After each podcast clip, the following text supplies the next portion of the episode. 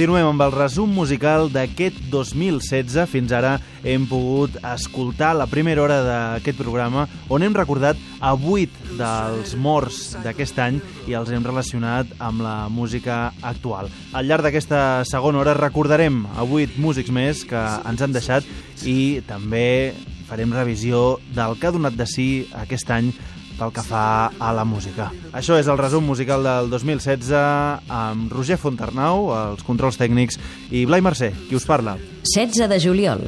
Alan Vega, del Suicide, 78 anys. L'Elvis del punk o l'Iggy Pop de l'electrònica. Molt menys es va parlar de la mort d'un dels músics més influents a l'escena alternativa i l'electrònica des de finals dels 70 fins ara. Suicide eren un dels grups més salvatges del punk de Nova York amb artistes com Ramones, Television o Patti Smith.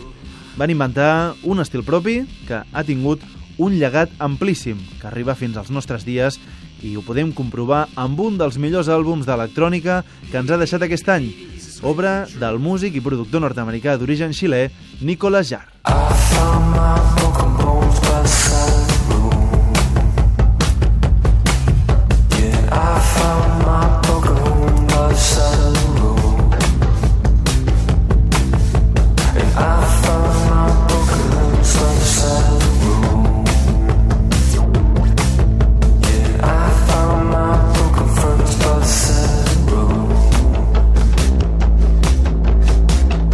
Músic que ha fet un pas endavant amb un disc on hi ha una mica de tot, ambient, sorollisme, rockabilly, fins i tot reggaeton, i que presentarà el Sonar 2017.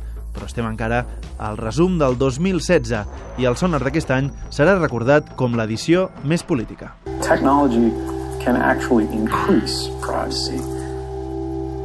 The question is, why are our private details that are transmitted online uh, why are private details that are stored on our personal devices any different than the details and private records of our lives that are stored in our private journals? Stored in our private journal. Amb tot un referent com Jean-Michel Jarre, portant un espectacle amb col·laboracions tan destacades com la de l'exespia de la CIA Edward Snowden. El francès en parlava al matí de Catalunya Ràdio. I a mi el que em va afectar de, de Snowden és justament el fet de, que va revelar que tots estan sent vigilats actualment. No és un traïdor, és el contrari, és un heroi.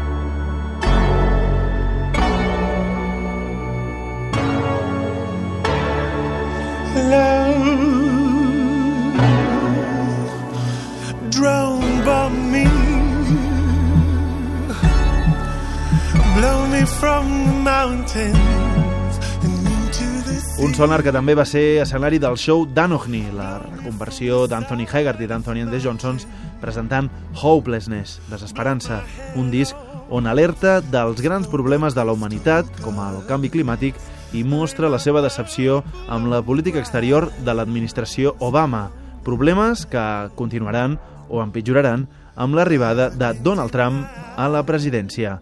Una arribada que no van poder evitar artistes com Madonna, If you vote for Hillary Clinton, I will give you a blowjob. Okay? ni Miley Cyrus, Please just treat people with love and treat people with compassion and treat people with respect. ni tan sols Bruce Springsteen. I don't hear it. Let me hear you. Philadelphia, how are we doing tonight?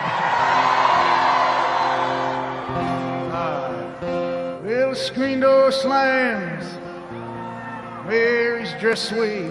Però sempre quedarà la campanya prèvia de tants músics compromesos contra Donald Trump i a favor de Hillary Clinton, com per exemple Le Tigre, banda de Kathleen Hanna, que van tornar a la primera línia musical per fer una cançó de suport a la candidata demòcrata a la presidència.